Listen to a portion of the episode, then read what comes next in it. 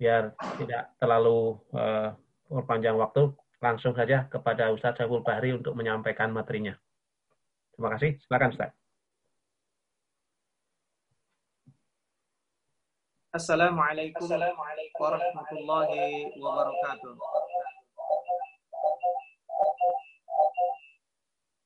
Alhamdulillah. Alhamdulillahilladzi Quran. Allahumma salli wa sallim wa barik ala sayyidil anam nabiyina al-karim Muhammadin sallallahu alaihi wasallam wa ala alihi wa ashabihi wa man tabi'ahu bi ihsan amma ba'd. Kaum muslimin dan muslimat, para pecinta Al-Quran, berjumpa kembali dalam serial kajian ulumul Quran. Mudah-mudahan Allah jadikan kita termasuk ahlul Quran, orang-orang yang berusaha memperbaiki interaksinya dengan Al-Quran. Dan pada kesempatan kali ini, Bismillah ta'ala, kita akan mengkaji terkait dengan kiroat, nagom, irama dan uh, lagu atau cara baca Al-Quran. Ada dua bahasan besar yang mudah-mudahan dengan keterbatasan waktu kita, Allah Subhanahu wa taala perkenankan kita untuk mengkajinya dengan detail. Mohon izin saya akan uh, share screen.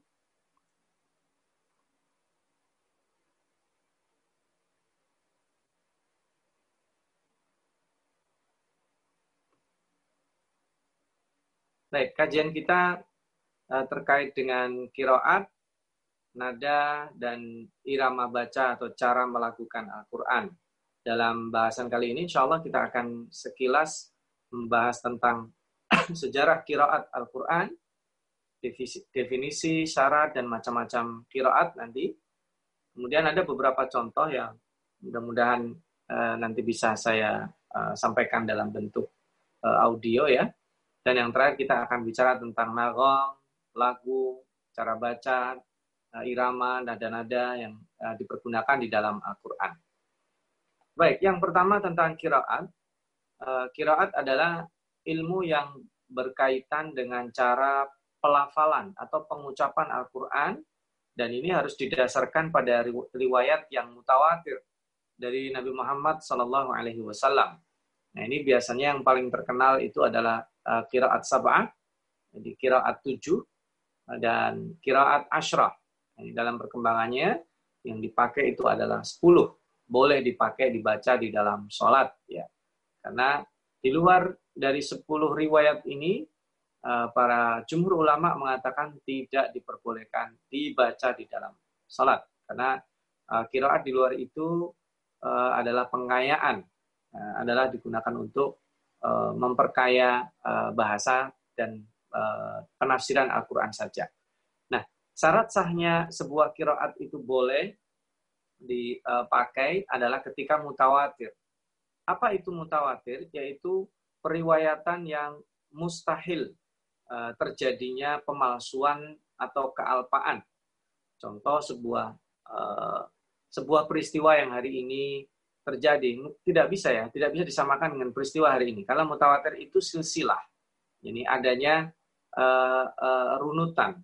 Adanya oh kamu dari mana? Oh saya dari si A si A dari mana si A dari si B si B dari mana saya dari si C sampai Rasulullah dan riwayat itu uh, mustahil untuk uh, dikatakan sebagai riwayat yang lemah karena uh, yang meriwayatkan adalah orang-orang yang yang fiqah, orang-orang yang bisa dipercaya.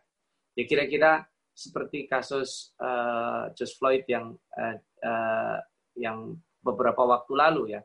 Itu itu mutawatir, tapi mutawatirnya itu mutawatir digital.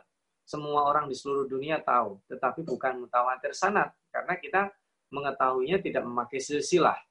Kalau memakai silsilah itu mutawatir sanat. Saya dari si A, si A dari si B, si B dari si C. Nanti orang lain juga mengatakan, oh saya dari si D, si D dari si E, terus. Dan itu beritanya tidak berubah substansinya. Jadi sama persis. Nah itu yang disebut dengan mutawatir. Karena Al-Quran uh, itu substansinya uh, tidak berubah. Nah, lalu kemudian kenapa ada tujuh? Karena masing-masing itu memiliki cara baca yang berbeda, tidak di semua 30 juz Al-Quran, di beberapa lafal saja. Ini jangan, jangan sampai kita salah. Nanti insya Allah uh, kalau sudah masuk, saya di sini di depan saya ada Quran uh, tujuh kiroat dan ini ada ada uh, ada ada kiroat yang sepuluh nih. Nanti kita akan coba dengan keterbatasan media, mudah-mudahan bisa membantu ya. Yang kedua adalah syaratnya sesuai dengan bahasa Arab. Jadi uh, jika tidak ada uh, sentuhan wujuh yang uh, yang sama dengan bahasa Arab, berarti perlu dicek lebih lanjut apakah ini ada di dalam bahasa Arab. Ya, karena contoh misalnya uh, dalam bahasa Indonesia, rujukan kita tentu adalah KBBI. Ketika ada sebuah sebuah kata serapan yang belum uh, belum dimasukkan ke dalam KBBI, berarti uh, standar dianggap sebagai bahasa Indonesia itu tidak bisa dipakai. Ya, contoh bahasa tidak baku yang sering kita pakai, kenapa misalnya. Nah, itu kan bahasa tidak baku. Karena yang bahasa bakunya adalah mengapa. Nah, kira-kira begitu. Ketika di dalam nanti di dalam beberapa uh, satu kata atau beberapa kata yang artinya berdekatan itu akan dimuat di dalam KBBI. Maka di dalam bahasa Arab nanti ada yang disebut dengan ataraduf atau mutaradif atau kata-kata yang berdekatan yang yang itu uh, memungkinkan untuk dianggap sebagai sebuah riwayat. Nanti kita akan lihat sekali lagi contohnya karena ini nyambung dengan bahasan yang lalu, bahasan kita yang lalu terkait dengan rosem. Maka yang ketiga dia harus sesuai dengan Rasul. Dan Rasul Utsmani itu tidak ada titiknya. Tidak ada titiknya, tidak ada harokatnya. Ketika giginya dihitung itu sesuai, uh, dia membaca dengan salah satu gigi yang sesuai itu, dan riwayatnya juga mutawatir, ah ini bisa dipakai di dalam sholat. Ini tiga ya, tiga, tiga catatannya. Kemudian yang berikutnya, macam-macam kiroat. Nah, kalau tadi yang dipakai hanya yang mutawatir, yang paling atas, yang lainnya tidak boleh. Karena mutawatir itu satu-satunya yang boleh dipakai di dalam sholat. Karena syaratnya terhubung kepada Rasulullah SAW, perawinya banyak dan mustahil untuk berdusta. Ya.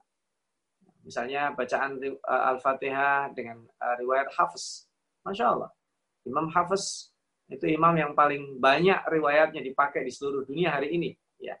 Nanti kenapa dan sebagainya, mudah-mudahan juga sempat kita uh, kita kupas. Yang kedua ada riwayat kiraat itu disebut dengan masyurah.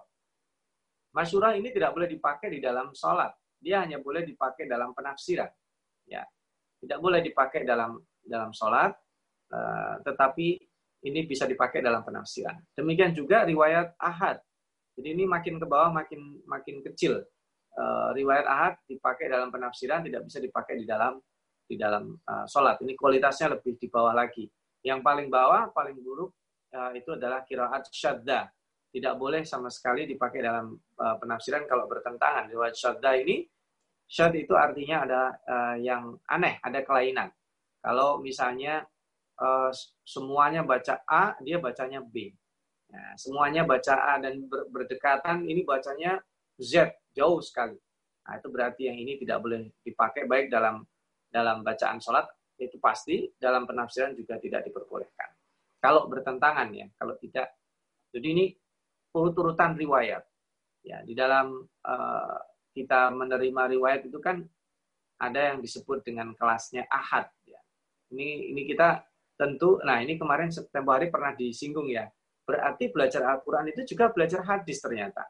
Karena nanti kita dituntut mengetahui uh, periwayatan. Kita dituntut untuk mengetahui adanya ini kualitasnya sampai pada sesuatu yang yang uh, luar biasa. Jadi tidak tidak ada dusta dan tidak ada perawinya yang diragukan atau ini riwayatnya ahad. Ini hanya sumbernya pada satu atau dua orang saja. Atau masyhur sumbernya itu tiga ya. Uh, tapi ini riwayatnya yang meriwayatkan lebih dari dari tiga dan setiap pangkalnya itu adalah sepuluh minimalnya. Misalnya sahabat Umar bin Khattab, dia dari sahabat Umar bin Khattab itu ada 10 orang yang dengar. Nanti dari satu orang yang di bawahnya ada 10 orang lagi. Jadi cabangnya makin banyak. Nah, itu disebut dengan mutawatir.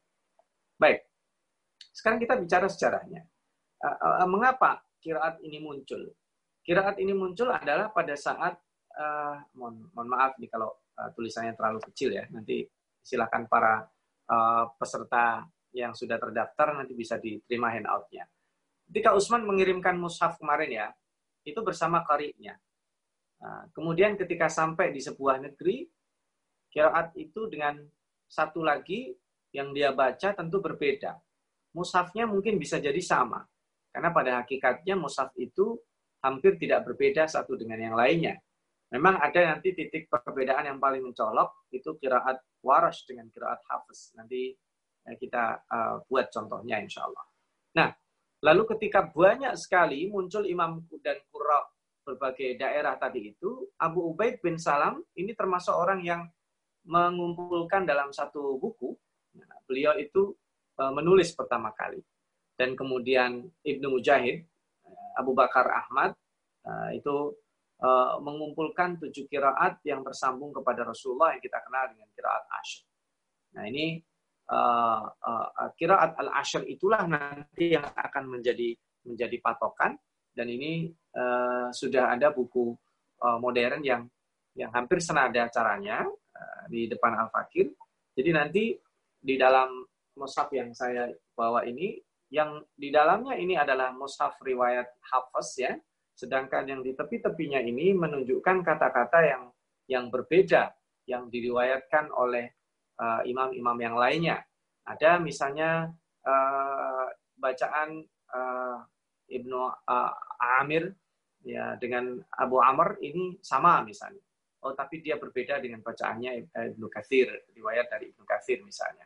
Atau bacaan uh, Imam Nafi uh, bahkan Imam Nafi punya dua murid uh, dan Warash uh, ternyata dalam bacaan Al-Fatihah Warash itu ada berbeda dengan Qalun uh, kalau Qalun itu membaca memati dengan di, diwasalkan dengan disilahkan alaihimu tapi Imam Waras membacanya sama dengan Hafiz nah, dia mereka sama pada kata Maliki. Jadi ini uh, luar biasa. Uh, itu semua diajarkan Rasulullah pertanyaannya. Iya itu semuanya diajarkan kepada uh, para sahabatnya. Dan kisah yang paling uh, sering disebut ketika membicarakan ini adalah kisah tentang Umar dan Marwan bin Hakam uh, yang pernah Al-Fakir singgung pada pertemuan yang lalu. Ketika imamnya adalah Marwan bin Hakam membaca uh, surat Al-Furqan uh, lalu diadukan oleh Umar karena dia merasa bacaannya tidak sama tapi Rasulullah SAW kemudian membenarkan bacaan keduanya. Nah, sebenarnya perbedaan kiraat itu berkisar pada apa? Pada dialeknya, baca tafhimnya. Tafhim itu apa ya? Menebalkannya. Atau terkik menipiskan. Atau imla. Contoh misalnya. Dalam satu bahasaan, uh, riwayat siratal ladzina an'amta alaihim atau ihdinas siratal mustaqim pakai sad itu ada yang memakai sin sirat Nanti ada di dalam uh, surat Hal Ataka itu uh, musaitir. Nah, itu yang banyak dipakai. Ada juga yang baca musaitir pakai sin. Jadi yang uh, uh, yang satu ditebalkan, yang satu ditipiskan.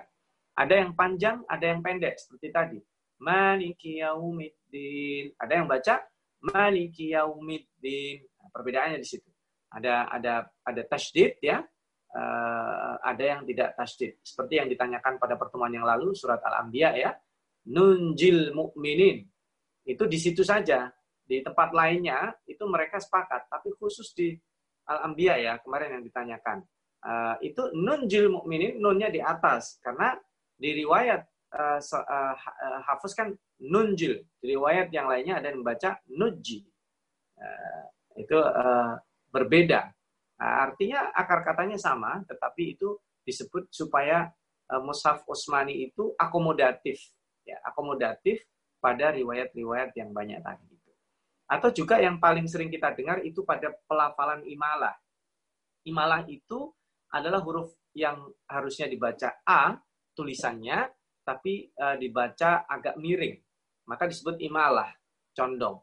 Itu uh, bisa dibaca E atau E Nah, itu aja susah. Ini tulisannya E. Kalau saya tulis seperti pelafalan E, itu kan bacanya. Makanya saya kasih contoh. Contohnya adalah sate. Sate itu E. Tapi bisa juga dibaca E. Seperti dalam lafat sebel. Nah, ini saya uh, belum uh, belum punya contoh selain itu yang gampang ya. E, E gitu ya. Yang satu E. E dengan E tentu berbeda. Nah ini nanti pada pelafalan Makanya ada yang uh, membaca wadduha pernah kita dengar ya wadduhe, tapi juga bisa dibaca sabbihis marabbikal a'la. Bukan a'le. Nah, itu itu dalam riwayat yang berbeda-beda. Nah, kendati pun kemudian uh, mushaf yang kita pakai itu relatif hanya satu. Dan perbedaan itu pada buku tafsir-tafsir klasik atau seperti ini. Kalau kita membeli Al-Quran dengan tujuh riwayat. ya Dengan tujuh riwayat, misalnya, saya asal buka saja di sini, uh, di uh, ayat uh, 31. Ya, saya bacakan ayatnya misalnya. A'udzubillahi minasyaitonirrajim. ولا تقتلوا أولادكم خشية إملاق نحن نرزقهم وإياكم Inna qatlahum kana hib'an kabira. Di dalam riwayat Hafiz itu dibaca hit’an Di dalam uh, riwayat uh, Al-Makki di sini ya, disebut hit’an Tapi uh, Ibnu Ibnu Lakwan membacanya hitoan. Ada yang baca khotoan. Ada yang membaca uh, khotoan, ada yang baca hitoan. Nah, ini ini keterangannya ada di di dalam. Jadi yang yang eh, di luar. Kalau yang di dalam ini adalah riwayat standarnya, yang keterangannya di luar. Kenapa? Karena ini sudah dikasih harokat, sudah dikasih titik ya. Nah itu. Nah maka untuk lebih detail, makanya uh, ilmu kira itu termasuk ilmu yang tidak populer karena dia tidak bersentuhan dengan keseharian kita. Ini sudah masuk level ilmu-ilmu eksklusif. Nah, maka uh, bahkan uh, jangankan uh, orang awam, seperti Al-Fakir yang belajar di jurusan tafsir Al-Quran, itu tidak mempelajari sedetil itu. Karena kita lebih kepada uh, software hadis, uh, software kontennya, bukan pada cara lafalnya. Maka sebenarnya ini, uh, kalau untuk lebih detail harus didampingi guru yang kompeten, memiliki sanat. Tidak bisa secara otodidak buka YouTube misalnya. Buka YouTube itu untuk ini aja, untuk menghilangi penasaran saja. Nanti silahkan uh, Al-Fakir juga beberapa kali membuka uh, bisa tahu semuanya.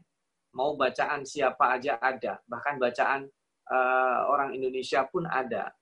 Al-Fatihah dengan 10 kiroat, itu pun nanti kalau keywordnya seperti itu, muncul itu.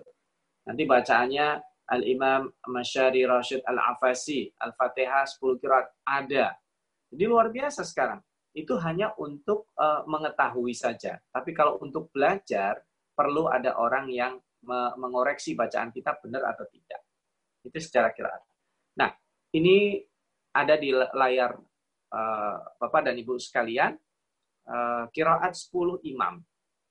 Nah, kiraat 10 imam itu, imam besarnya adalah uh, Ibnu Katsir, uh, Nafi, ya, Abu Ja'far, Abu Amr, ya, Yakub, Ibnu Amir, Asim, Al-Kisai, Khalaf, dan Hamzah. Itu 10 imam yang uh, meriwayatkan akhirnya nanti sampai kepada para sahabat. Dan yang menarik adalah yang paling banyak itu adalah im, uh, riwayat Imam Hafiz dari Asim. Padahal Imam Asim itu memiliki dua murid yang paling menonjol, yaitu Hafiz dan Syu'bah. Tetapi kenapa yang populer justru adalah riwayat uh, dari Hafiz saja, bukan riwayat Syu'bah juga. Dan Imam Hafiz pernah bertanya, kok bacaan saya dengan bacaan Syu'bah yang sama-sama murid Anda itu berbeda. Nah, dia mengatakan kalau yang satu itu uh, berakhirnya di Ibnu Mas'ud, kalau yang satu berakhirnya di sahabat Ali bin Abi Thalib. Jadi menarik itu. Dan itu ada sekitar diteliti para peneliti ada sekitar 500 perbedaan padahal itu masih satu jalur uh, Imam Asim. Nah, ini ini yang menarik uh, bahwa di dalam satu guru pun ada beberapa bacaan yang yang tidak sama. Nah ini uh, penentuannya adalah penentuan berdasarkan uh, pongkolnya di situ uh, yang disepakati atau jumhur ulama lebih tepatnya itu 10 imam ini di luar 10 imam ini itu dikategorikan sebagai riwayat yang tidak mutawatir bisa jadi masyur apalagi sampai terakhir adalah riwayat yang syaddah. Nah, hanya kiroat yang mutawatir saja yang boleh dibaca di dalam sholat. Ya. Dan ini uh, hanya didapatkan dari guru yang bersanat. Tidak bisa kita menirukan secara otodidak. Dan kalau membaca juga tidak boleh dicampur adukkan. Maka kita perlu sesungguhnya untuk uh, uh, apa namanya uh, memberitahu lebih lebih eloknya kalau dalam sholat ya. Misalnya kita kepada makmum uh, Bismillah ta'ala di rakaat pertama saya akan baca surat Al-A'la dengan riwayat uh, misalnya qalun. Nanti pada rakaat kedua dengan riwayat warash. Uh, dua-duanya ini muridnya Imam Nafi misalnya. Nah itu itu lebih lebih afdal supaya nanti tidak terkaget-kaget yang mendengarkannya dan tidak boleh dicampur. Misalnya ayat pertama baca riwayat A, riwayat Imam Nafi ya, yang dibaca eh, yang disampaikan oleh muridnya Waras. Riwayat kedua membaca dari uh, riwayat Asim yang yang, di, yang diriwayatkan oleh muridnya Syu'bah misalnya atau Ibnu Katsir misalnya. Nah, itu nggak bisa. Selesaikan dulu baru kemudian mulai lagi. Nah, lalu kiraat itu berkaitan dengan Rasem Utsmani. Ya, karena Rasem Utsmani itu sudah dibuat standarnya dan akomodatif sesungguhnya. Dalam satu tulisan itu memungkinkan untuk uh, dibaca lebih dari satu bacaan. Dan ini uh, pada saat awal mulanya kan kemarin kita sudah membahas ya, tidak ada harokat, syakal ya, AIU-nya tidak ada. Titiknya pun tidak ada. Bahkan wakaf tidak ini tidak ada. Titik komanya tidak ada. Jadi kapan dimulai dari awal ayat, akhir ayat. Bahkan ini uh, ini ini berapa ayat? Sama-sama tujuh Tujuhnya pun beda. Hitungannya dari mana? Dari basmalah atau dari alhamdulillah. Jadi uh, ini sangat-sangat kompleks kalau sudah terkait dengan membahas tentang ilmu kiraat dan ilmu rasem. Ya. Al-Fakir sebutkan di dalam uh, tulisan Al-Fatihah. Uh, dalam uh, tulisan Al-Fatihah itu di, uh, disebutkan nantinya kalau kita uh, buat contohnya itu bisa melebihi dari eh, satu bacaan, padahal tulisannya sama. Ya, perbedaan kiraat nanti ada kalanya berimplikasi kepada uh, perbedaan hukum dan uh, cara baca ya. Nah, saya Al-Fakir ingin ingin ketengahkan dua dua hal ya karena tidak terasa waktu juga berlalu cepat sekali. Yang pertama Imam Hafiz. Subhanallah. Imam Hafiz bin Sulaiman ini adalah uh, satu-satunya riwayat yang paling banyak dibaca. Uh, satu-satunya mungkin redaksinya uh, terlalu berlebihan Al-Fakir. Jadi ini menjadi uh, riwayat yang paling banyak. Kenapa? Karena beliau perjalanan intelektualnya itu luar biasa.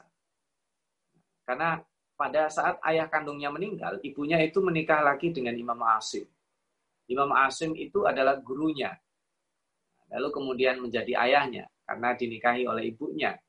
Jadi ini e, pembelajarannya lebih intens lagi. Dan ketika Imam Asin wafat, maka beliau itu menggantikan ayah ayah dirinya, ya, e, atau suami dari ibunya. Nah, e, e, beliau ini e, paling kuat dalam talqin dan tasmi' dengan dengan ayahnya ini. Dan rekam jejak travelingnya itulah yang membuat kemudian beliau memiliki murid di mana-mana di Mekah dan di Baghdad itu dua sumber ilmu dan uh, pernah menjadi salah satu Mekah itu termasuk Madinah ya. Kalau disebut Mekah itu otomatis dia ke Madinah juga. Uh, Madinah menjadi ibu kota. Uh, kemudian Baghdad juga pernah menjadi ibu kota. Dua-duanya menjadi sumber kota kota pelajar dan kota di situ tersedia berbagai macam literasi ya. Nah, ketika dia tinggal di di Baghdad, di sana dia mengajarkan. Ketika dia tinggal di Mekah, di sana dia juga mengajar. Nah, maka bisa dibayangkan, jumlah murid-muridnya itu berapa. Ya. Kalau kita aja yang traveling ke sana aja ada kenalan di sana. Kita traveling ke sana aja ada kenalan di sana. Itu aja sudah, oh murid dia ke mana-mana. Padahal kenalan kita juga nggak banyak. Kita bayangin, uh, dia ada, di sana mengajar dan luar biasa. Nah, beliau pernah bertanya kepada ayahnya, pada gurunya, Kenapa bacaan Syu'bah sama saya nggak sama? Imam Asim menjawab, bacaan yang kamu pelajari itu saya ambil dari Abdurrahman As-Sulami. Abdurrahman As-Sulami itu kalau diurutkan perjalanan sanatnya, itu sampai sahabat Ali bin Abi Thalib. Sedangkan yang saya ajarkan kepada Syu'bah, ya sama muridnya dua orang murid yang paling menonjol itu uh, uh, itu sanatnya sampai kepada Abdullah bin Mas'ud. Jadi ini dalam satu riwayat Imam Asim saja ada dua pongkol berbeda sahabat dan itu uh, ada sekian perbedaan ya tidak tidak semuanya mirip hanya saja. Maka uh, kita lihat dari Imam Hafiz ini uh, kenapa Imam Syubah tidak terlalu terkenal uh, padahal ini mas, masih satu guru ya. Karena Imam Syubah di akhir ayatnya banyak mendedikasikan untuk uh, kompilasi dan meneliti ilmu-ilmu yang terkait dengan hadis. Nah ini ini juga di era modern sekarang ini mengajarkan kepada kita perlunya spesialisasi. Nah, eh, Al-Fakir sendiri kalau misalnya masuk ke dunia ini, ke dunia kiraat misalnya, itu tidak akan mampu karena alat yang dipelajari secara uh, apa linear itu lebih kepada metodologi, uh, cara, dan perangkat-perangkat untuk tafsir. Nah, makanya di dalam di Al Azhar sendiri itu ada kuliah Quran. Nah, kalau di kami itu kuliahnya namanya Usuluddin, itu syu'bahnya aja uh, tafsir wa, wa ulumut tafsir. tul Quran berbeda. Nah, dia mempelajari seluk-beluk Al-Quran dan itu menjadi satu hal yang yang uh, bermacam-macam. Nanti kita masuk di situ ada ada kiraat, atau masuk di situ ada ada rasul. Bahwa itu sudah sudah ilmu yang berbeda dengan padahal itu Quran ya? Iya itu Quran terkait dengan Al-Quran. Sangat besar sekali. Nah ini sebagai pengetahuan saja. Kenapa ini dimasukkan dalam uh, ulumul Quran? Iya karena terkait dengan Al-Quran. Dan ilmu kiraat itu datangnya belakangan. Ilmu kiraat itu datangnya belakangan. Uh, datangnya belakangan setelah uh, di era tabiin pasca era tabiin. Nah, dia ini datang uh, setelah ada Imam uh, atau Khalifah uh, Amirul Mukminin Ali bin Abi Thalib kemarin ya, kalau ingat sejarahnya pada pertemuan yang lalu, bahwa mushaf itu awalnya uh, kosong, tidak ada titik, tidak ada uh, tidak ada syakal, uh, hanya ada gigi-gigi saja. Maka dari situ karena akomodatif sudah distandarkan, kalau di tempat ini dibacanya begini, kalau di tempat ini dibacanya begini. Lalu nanti diwaras dikembangkan di di mushaf ada dua mushaf sebenarnya Mushaf Maghribi dan Mushaf Masyriki. Mushaf Maghribi itu penulisannya berbeda, bacaannya beda, penulisannya berbeda di beberapa uh, tempat saja, tentu tidak tidak sama. Nah, sekarang kita lihat uh, kiraat waras. Ini sudah mendekati uh, contoh ya. Maka cara membaca riwayat waras ini di Quran waras ya, mushaf ya, mushaf waras itu berbeda dengan kita. Contoh misalnya dalam membaca Maliki Yaumiddin. Kalau kita riwayat waras itu pasti malikinya tidak panjang. Dan kita kan Maliki Yaumiddin. Dan dia memulai ayatnya dari Alhamdulillah. Bukan dari basmalah. Nah, eh, terkait dengan riwayat waras dan kalun juga berbeda. Pada saat membaca alaihim. Eh, mim mati itu di belakang dibaca silah. Wasal ya. Alaihim dibaca alaihimu. Nah, misalnya mustaqim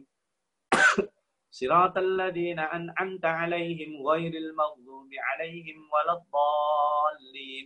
Ini bacaan kita, bacaan hafs.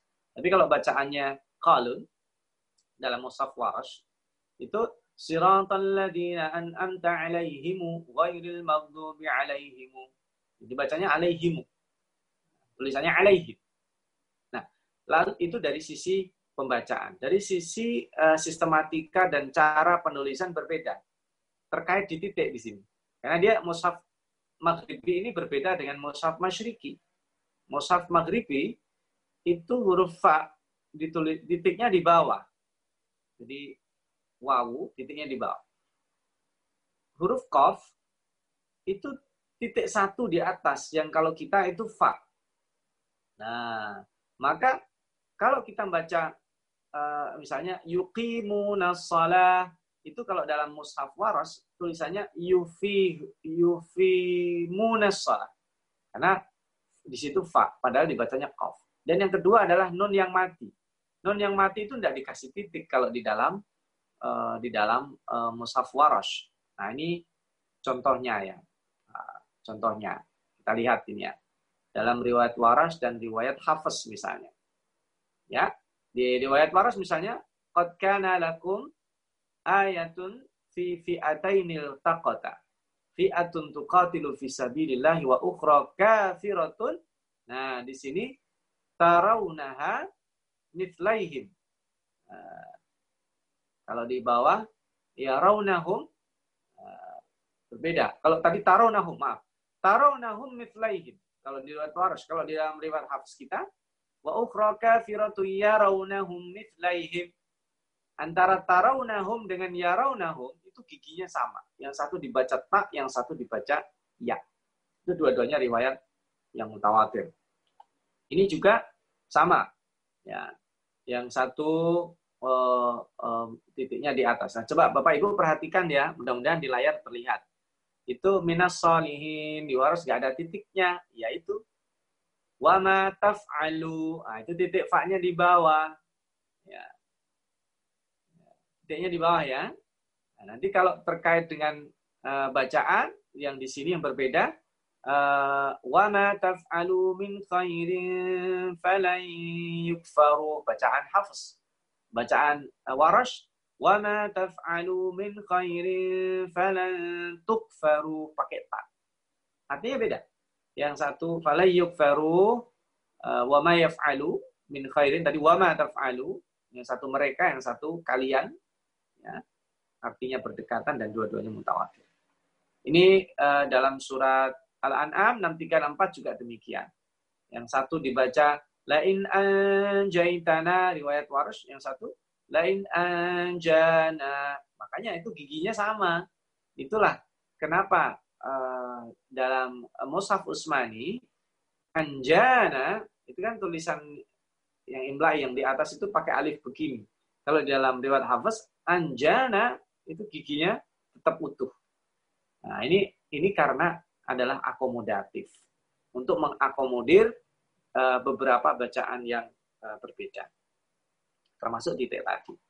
Nah, saya kira itu dan uh, tadi Al Fakir mencoba untuk mengetengahkan, tapi karena waktu ya uh, cukup dengan bacaan tadi saja. Uh, nanti kalau Bapak dan Ibu penasaran, silakan uh, buka di sosial media atau di uh, di channel YouTube dengan keyword tadi itu kiraat 10 atau kiraat asra atau dengan yang tujuh yang masuk kiraat uh, apa. Nah, saya uh, tadi uh, di saya ada di sini uh, kalau Bapak dan Ibu sempat uh, beli uh, Quran dengan tujuh kiroat. Ini kalau ingin tahu saja ya. Atau di sini ada di saya Al Imam Al Jazri itu punya uh, An Nashr fi Al Qiraat Al Asr. Ini juga Al Fakir hanya hanya uh, dipakai untuk mengetahui saja. Ini termasuk buku yang jarang Al Fakir sentuh karena itu kan kebutuhannya untuk penelitian saja. Maka menjadi tidak terkait dengan keseharian kita ya. Nah, sekarang kita masuk kepada uh, nagam. Nah, kalau ilmu kiraat itu berkaitan dengan pelafalan. Kalau nagam tidak terkait sama sekali dengan itu.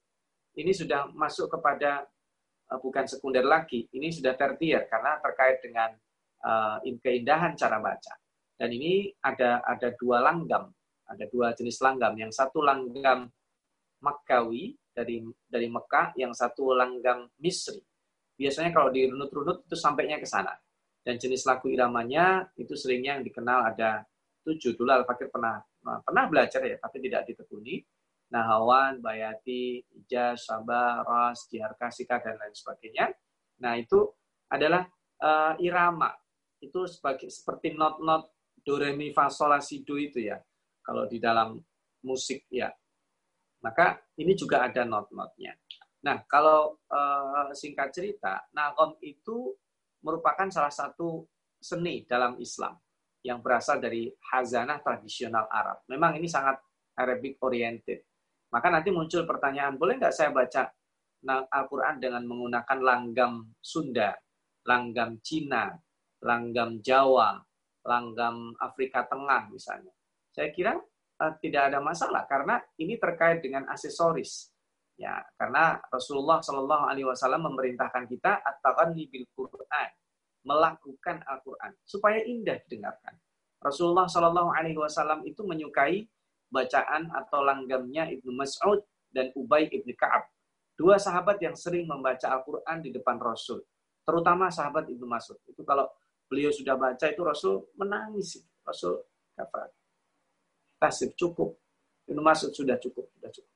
Karena begitu luar biasa. Nah ini juga berarti kita ini selain membaca Al-Quran juga uh, mendengarkan Al-Quran. Karena kadang membaca itu berbeda dengan mendengarkan. Sesekali kita perlu mendengarkan, karena pada saat mendengar, fokus kita di telinga.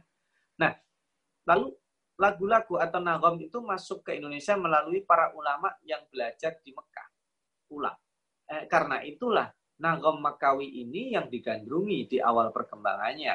Karena liriknya juga sederhana, lagunya juga datar, naik turunnya tidak terlalu tinggi, nada itu kalau naik turunnya. Nah, maka kita bisa lihat uh, di pertengahan ya, di tahun 60-an, itu ketika pemerintah Mesir mensuplai maestro-maestro koriknya seperti Syekh Abdul Basit Abdul Samad, Mustafa Ismail, Mahmud Khalil Fusari, dan yang lain sebagainya.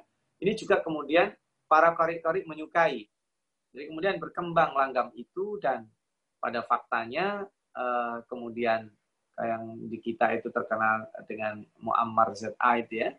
Nah itu eh, yang kalau membaca seni baca Quran itu muncul nama itu di kita.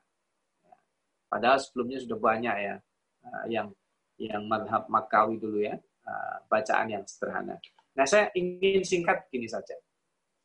Dari tujuh jenis lagu pokok itu, boleh nggak lapaknya boleh aja. Lebih dari itu tidak ada masalah. Karena itu tidak terkait dengan dengan sanat sampai ke Rasulullah, tidak. Uh, belum belum ada uh, penelitian uh, terkait kira-kira lagunya cara bacanya Ibnu Mas'ud seperti apa. Itu sulit karena itu tidak termasuk di dalam di dalam periwayatan. Nah, itu sudah uh, itu merupakan satu kemewahan kalau bacanya juga harus sama dan itu sulit sekali. Ya, jadi lebih kepada substansi. Periwayatan mutawatir tidaknya itu lebih kepada substansi. Kalau uh, melakukan dan apalagi nanti keindahan itu uh, salah satunya itu memang dari sononya given. Makanya ada, wah suaranya indah sekali. Nah, ya mohon izin mohon maaf seperti casing kita itu kan given dari Allah oh dia ganteng sekali ya dia cantik sekali ya nah itu kan juga given dari Allah. Ya oh itu pas-pasan. Ya kita nggak boleh menghina tidak boleh terlalu bangga karena ini kan juga casing titipan Allah sebagaimana suara. Jangan terlalu misalnya. Tapi kalau untuk nanti sebagai imam itu disebut akrauhum karena kan ini dia memimpin diperdengarkan. Maka diupayakan yang menjadi imam itu yang hafalannya banyak, yang uh, bacaannya paling bagus supaya orang enak. Ibarat nyetir itu yang semua orang bisa nyetir, tapi kan ada yang kasar, ada yang sebagainya. Kalau yang lembut ya itu yang paling enak. Nah, maka nanti dalam faktanya selain nagam itu juga ada nada. Nada dibagi menjadi empat. Ada yang rendah, ada yang sedang, ada tinggi, ada yang sangat tinggi sekali itu kalau dalam MTQ itu diperlembakan. Coba nada jawabul jawab tinggi sekali. Habis suara kalau nggak kuat. Nada yang yang sedang nawa misalnya atau yang karar yang paling rendah itu dilombakan. Nah, nanti pada perkembangannya sekarang masya Allah berbagai macam karya dengan suara khas masing-masing. Yang kadang orang ada, oh saya mau nirukan bacaannya Syekh Al-Afasi. Dulu kalau Al-Fakir pada waktu masih kuliah, suka dengan bacaannya uh, Sa'ad Al-Ghamidi misalnya. Atau yang standar kita pasti tahu Al-Imam Al-Haramain, Syekh Suraim dengan Syekh Sudes misalnya.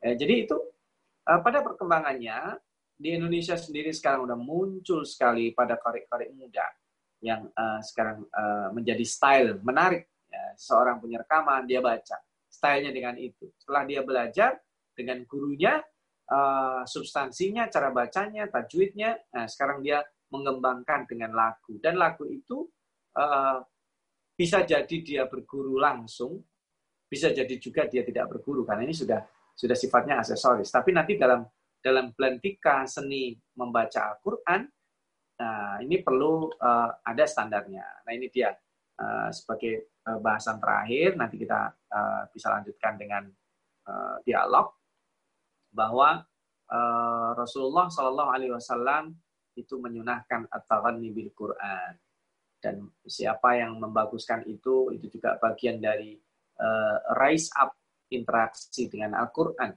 Karena membaca Al-Qur'an dengan uh, dengan indah itu disunahkan. Yang kedua sesuai dengan uh, tajwid ya.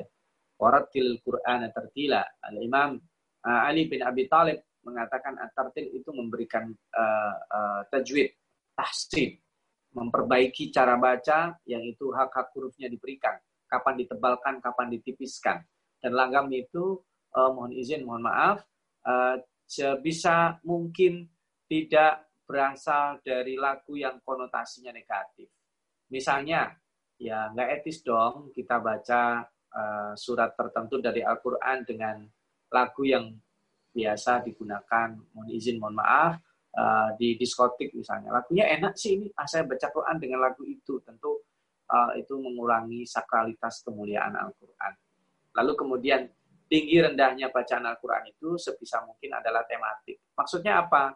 Ya, kalau sedang sahdu, dia baca yang rendah, dia baca yang alunan yang pelan.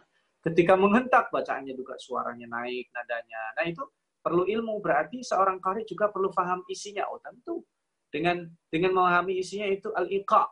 Al-iqa itu oh, apa ya bahasa Indonesia-nya ya? Ah, pada saat dia menadaburi Al-Quran, iqa-nya itu tepat. Ya kan nggak mungkin menceritakan yang sedih dia ketawa-ketawa. Nah, itu ikoknya nggak tepat. Ketika dia menceritakan sesuatu yang sedih, dia alunannya juga seperti itu. Ketika menceritakan bersemangat, itu uh, orang terbawa. Ketika menceritakan uh, uh, sesuatu yang bersemangat, pesan dari Allah, itu uh, aura suntikan motivasi semangatnya menular. Ketika menceritakan tentang neraka, sedih, takut. Ketika menceritakan tentang solidaritas, ketika menceritakan bagaimana Maryam dikafil oleh oleh uh, uh, uh, oleh Nabi Zakaria itu seperti hari ini. Ketika seseorang berlomba-lomba memberi, bayangkan di bulan Ramadan kemarin Al-Fakir mengira bahwa perolehan zakat itu turun. Ternyata dalam sebuah studi luar biasa, perolehan ziswaf itu justru naik. Ini ada apa? Padahal sedang sedang sedang masa krisis. Nah, artinya apa? Itu al-iqa itu penting supaya orang-orang itu tahu ini berbicara tentang apa, tematik ya. Dan yang terakhir tidak berlebihan. Karena kalau baca bacaan lagunya itu dibuat-buat, orang juga nggak enak dengernya. Dan itu perlu latihan. Makanya imam itu uh, juga dilatih. Nah ini alhamdulillah dengan era pandemi ini para bapak khususnya itu dia dilatih menjadi imam. Biasanya kalau untuk imam duhur dan asar semua orang berani. Tapi kalau sudah maghrib, udah isya atau subuh, nah itu kalau stok imam aslinya nggak ada itu uh, kalau yang lainnya tidak terbiasa itu sudah dorong-dorongan. Nah, dengan adanya pandemi ini orang belajar, dia melakukan, membaca selain membaca benar itu cara melakukannya juga enak. Mohon maaf uh, Bapak Ibu, mohon izin uh, kebersamaan kita 50 menit. Saya rasa untuk awalan ini saja karena Al Fakir mencoba biar akomodatif ada nanti dialog dengan Bapak dan Ibu uh, untuk lebih uh, lebih enaknya dan uh, insya Allah nanti uh, semampu Al-Fakir dalam menjawab akan Al-Fakir jawab termasuk boleh diingatkan titipan pertanyaan pada pertemuan yang lalu yang sekiranya belum terjawab itu bisa Al-Fakir uh, sampaikan. Saya ingat Al-Fakir ada dua pertanyaannya terkait dengan uh, surat Al-Anbiya yang uh, nunjil nunnya di atas, yang kemudian uh, satu lagi uh, terkait dengan uh, waras dan uh, hafaz ya. Uh, dua yang berbeda uh, yang tadi secara uh, sederhana sudah simulasinya sudah mencoba Al-Fakir ketengahkan. Saya kira itu yang bisa uh, saya sampaikan sebagai mukadimah. Saya kembalikan kepada Mas Andi, kepada uh, kepada uh, Pak Irfan sebagai uh, moderator untuk uh, ditindaklanjuti dengan dialog. Mohon maaf atas segala kekurangan. Aku lupa ada. Wassalamualaikum warahmatullahi wabarakatuh. Waalaikumsalam warahmatullahi wabarakatuh. Uh, Jazakallah khair Ustaz. Uh, tasuryanya tadi sangat menarik. Uh, silakan dari bapak-bapak dan ibu-ibu kalau ada pertanyaan-pertanyaan bisa langsung uh, lewat Zoom ini. Silakan di unmute sendiri lalu uh, sampaikan pertanyaannya atau bisa juga lewat chat uh, di Zoom atau juga di grup WhatsApp grupnya. Silakan kalau ada yang mau bertanya. Mungkin sambil nunggu Ustadz, langsung aja yang tadi yang dua pertanyaan dari yang apa minggu lalu bisa disampaikan dijawab Ustadz. Uh, itu sudah saya jawab tadi Pak. Uh, kalau Bisa yang ya? nunjil ini itu kan okay, uh, sudah sudah saya jawab tadi. Ya, silakan. Assalamualaikum. Waalaikumsalam warahmatullahi wabarakatuh. Silakan sebutkan nama dan dari mana. Mungkin sebelum dapat ditanyakan pertanyaan, silakan. Uh, Assalamualaikum warahmatullahi wabarakatuh. Nama saya Suryo, Pak Ustadz. Saya dari dari Kanada, dari Kutub Utara. Ya, silakan. Pertanyaan. Uh, pertanyaannya, tadi Pak Ustadz, uh, saya nanya masalah kiro atau irama ya. Uh, nagamnya ada dua ya dari dari ya Mesyiria dan Makiyah ya. Dan turunan turunan juga ada beberapa gitu lagunya ada tujuh yang yang standar. Uh, tadi Pak Ustadz juga bilang kalau untuk masalah lagu itu sebenarnya tidak masalah pakai langgam Sunda dari Jogja dari ini misalkan uh, ngikutin kaidah yang berlaku atau tartil dan tajwidnya itu benar jadi pemakaian untuk lagu, asalkan itu enak didengar dan enak diiniin, pakai lagu apa pun tidak masalah. Terus ada ganjalan sebenarnya di hati saya nanya seperti ini Pak Ustadz. Uh, enak dan tidak dienak dan didengar itu kan sebenarnya relatif juga ya. ya. Mungkin ya. saya enak dengar lagu Sunda, tapi ada beberapa orang juga enak dengar lagu Sunda. Hmm. Atau mohon maaf, mungkin saya enak mendengar dengan lagu yang slow rock gitu. Atau yang agak sedikit metal tapi sedikit uh, apa iramanya enak didengar gitu. Tapi itu kan lagu. Tapi kalau kita bacanya misalnya misalnya nih mohon maaf kita pakai irama slow rock ya. Tapi uh, bukan yang negatif ya. Negatif Hello? tapi kaidahnya tapi kaidahnya tartil benar. Apakah itu diperbolehkan atau apa kita harus tetap memakai standar dari tujuh lagu itu yang udah di, udah udah istilahnya udah udah jamak lah udah umum gitu. Kalau misalnya diperbolehkan memakai langgam yang macam-macam mungkin orang juga akan mencoba untuk pakai langgam yang ini. Kayak anak muda mungkin dia akan pakai langgam punk rock yang agak slow yang lebih mendayu gitu kan. Tapi ramanya punk. Wajar aja kan maksud tapi dia melanggamkannya dengan tartil dengan tajwidnya benar gitu apa gimana uh, menurut Terima kasih. Baik. Ya. Ya. Uh, Bapak Ibu, sebenarnya terkait dengan langgam ini bahkan bahkan ya mohon maaf ya, bisa jadi juga seorang korek yang pemula itu dia tidak tahu kalau ditanya, uh, Ustaz itu bacaannya uh, langgamnya langgam apa? Bisa jadi dia, dia tidak tahu. Ya, karena dia uh, dia otodidak, dia dikaruniai oleh Allah modalnya suaranya udah bagus. Bisa sampai tinggi sekali, bisa sampai rendah sekali. Kemudian dia punya ilmu untuk memahami. Nah, berarti ini ilmu yang terakhir, ilmu yang istilahnya sudah tertiar lah. Itu uh, dia tidak ada kesempatan untuk mempelajari apa bedanya nahawan, hijaz, dengan ros, dengan dan sebagainya. Itu sebagai lagu pokok ya. Dia bisa jadi tidak tahu. Nah, Al-Fatih sendiri hanya hanya hanya pernah. Kalau ditanya itu termasuk lagu apa? Itu bisa jadi give up saya. Karena tidak tidak tahu. Nah, maka uh, tidak ada masalah sebenarnya. Dan uh, mohon izin mungkin kategori kita tidak tepat kalau misalnya oh ini lagu slow rock, ini pop itu kan musik ya. Kalau ini kan irama, nggak bisa dikategorikan itu bacaan Sudes dengan Suren. Itu bacaan cepat kan. Beda dengan misalnya saat Al-Ghamidi atau bahkan uh, Imam Al-Hudayfi dulu ya di Madinah. Berbeda. Uh, sekarang uh, atau bacaan Syekh Mahmud Al-Khusari. Ya, itu berbedaan dengan Abdul Basit Abdul Samad. Ya, padahal sama-sama kedua-duanya dari Mesir misalnya. Karena itu terkait dengan irama. Karena tadi ada yang memang suaranya berat. Ya, suaranya memang aslinya berat. Kemudian ini nada yang tepat, nada yang sedang ke bawah. Oh, ini suaranya agak kecil. Oh, berarti ini yang tepat. Nah, ini juga performance uh, suara itu sendiri. Kalau orang dia nggak kuat tinggi, dipaksain juga nggak, enak dengarnya. Jadi intinya sebenarnya tidak sampai ke sana. Tidak sampai misalnya ini harus pakai apa. Dan bisa jadi orang itu tidak tahu itu. Bisa jadi dia hanya suka misalnya bacaan korek si A dan si B. Kemudian dia tirukan. Dan bisa menirukan. Ketika ditanya itu, ini jangan asal baca itu. Itu langgamnya apa? Oh, enggak tahu. Oh, enggak. Enggak. Enggak sampai segitu. Karena itu terkait dengan keindahan. Uh, mohon izin bukan bermaksud mengenerate ya. Tapi kalau kori bacaannya bagus, coba Anda tanya, belum tentu dia tahu lagunya. Tapi it's okay, tidak ada masalah. Karena substansinya adalah enak didengar. gitu.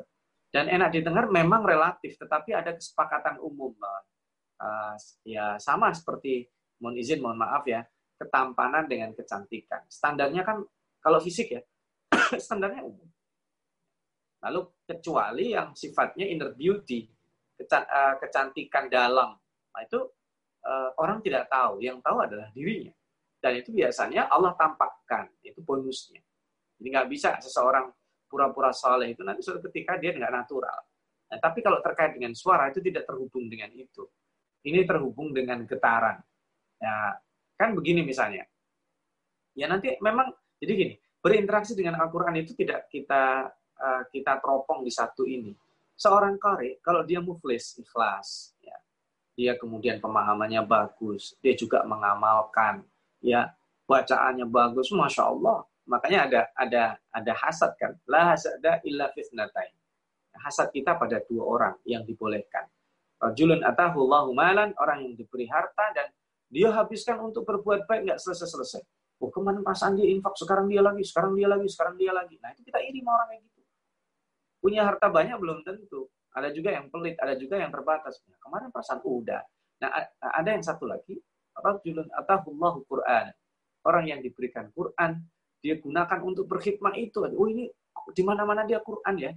Ya uh, untuk tafid dia, untuk ini dia. Ini kita yang iri gitu. Tapi sekali lagi itu kan pada mentoknya. Bisa jadi seseorang tadi ada orang yang mudah membaca, bacaannya bagus, oh hafalannya kurang. Ada yang hafalannya bagus, dia nadanya kurang. Jadi bisa jadi seseorang itu mix. Ya, ada yang ini setengah, yang ini setengah. Tapi ada yang ini nonjol, ini kurang. Nah, demikian juga dalam nada bacaan, dalam langgam. Uh, Allah alam ini istihad al-fakir. Menurut al-fakir tidak ada tidak ada yang membakukan harus tujuh yang tadi uh, disampaikan oleh para kura. Ya. Mohon izin, mohon maaf para kura, bukan berarti al-fakir meniadakan atau menafikan ilmu itu. Ilmu itu dipelajari. Tetapi kemudian bahwa uh, ada standar di luar itu, ketika dimunculkan guru langsung tahu, oh ini cabangnya ini. Makanya di luar tujuh itu, misalnya para kari itu, dia tahu, oh ini cabangnya ini, oh ini cabangnya ini. Karena dia tahu nada-nadanya itu. Sudah ada nada-nada tinggi rendah dan langgamnya itu diketahui. Nah kalau kalau um, um, misalnya langgam Sunda itu masuk jenisnya mana? Oh, itu lebih expert. Al-Fakir perlu bacaannya kamu seperti apa? Kita cocokkan. Dan Al-Fakir juga tidak tidak mutakhassis di bidang itu. Tapi nanti kalau bagi orang yang tahu, pasti tahu. Kalau saya bacanya begini, itu teman, oh itu masuknya begini. Nah, jadi ada identifikasi. Itu saya kira Bapak uh, mudah-mudahan uh, menjawab dan enak dan tidak uh, memang relatif, uh, tetapi ada kesepakatan umum bahwa ini suaranya betul-betul enak. Itu saya kira itu. Wallahu a'lam. Assalamualaikum warahmatullahi wabarakatuh. Waalaikumsalam. Waalaikumsalam. Saya Duta Mardin dari Florida. Silakan, silakan. silakan.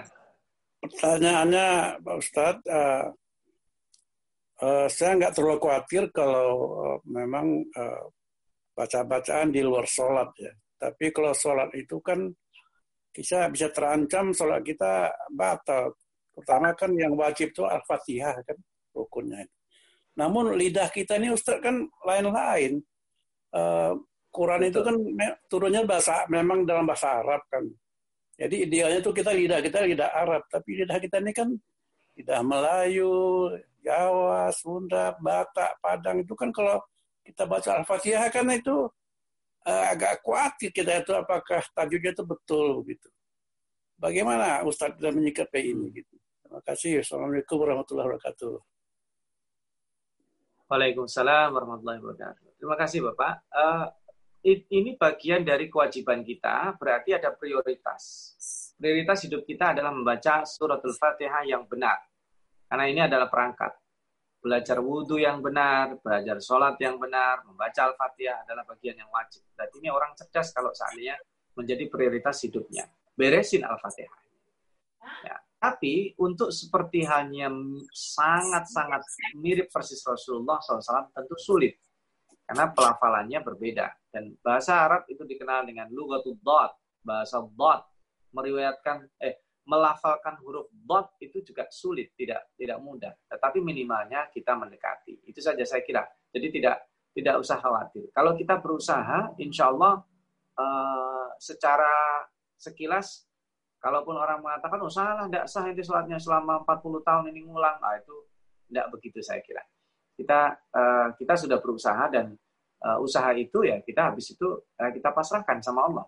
Ya Allah, saya sudah berusaha membaca suratul Fatihah, dan yang diajarkan tadi uh, bacaan hafaz. Misalnya ada ada ada misalnya selama ini kita baca riwayat hafaz, tapi kita baca Maliki Yaumiddin misalnya dan kita baru tahu enggak ada masalah. Uh, untuk selanjutnya setelah kita tahu kita benerin begini. Jadi dalam prosesnya kita akan menemukan beberapa kesalahan, tapi jangan ditonjolkan. Karena kalau belajar ini loh salah kamu, itu kita jadi jadi frustasi. Kita belajar itu standarnya yang benar baca begini. Kalau yang benar eh, yang benar baca begini, kita muncul di otak kita. Oh, saya kemarin salah. Tidak apa-apa sekarang diperbaiki. Ya, begitu. Beda kalau misalnya metode pembelajaran kita itu adalah kesalahan dalam membaca surat Al-Fatihah. Itu kita mulai. Nah, itu kan hanya kita akan sibuk menyalahkan orang dan juga bisa jadi membuat diri kita ragu. Nah, itu Allah alam menurut Al-Fakir uh, itu menjadi prioritas, tetapi bukan kemudian wah saya belum belum bisa ini, berarti nggak usah sholat dulu. Nah, itu juga salah. Uh, orang yang baru mualaf, jangankan al-fatihah, dia tidak tahu, dia itu dia sholat aja. Yang bisa dia lakukan, dia lakukan aja. Mata yasar yang bisa dia lakukan, sekalipun yang diwajibkan adalah al-fatihah. Orang baru tadi pagi bersyahadat, nah sekarang. Nah yang kedua, ini mirip-mirip juga. Kalau di dalam uh, bahasa Inggris saja, orang Jawa yang totok misalnya, atau orang Sunda yang totok, atau orang Bugis yang totok, coba membahasakan bahasa Inggris.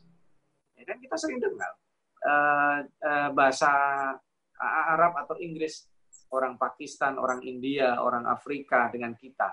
Itu kan ketika dengar uh, tidak seperti native-nya, ya karena memang tidak tidak berasal dari sana. Tapi kalau orang yang fasih dia itu bisa seperti native. Padahal ketika dilihat mukanya, ini kayaknya orang orang orang Asia nih, tapi uh, kenapa bisa bisa seperti orang native? Gitu.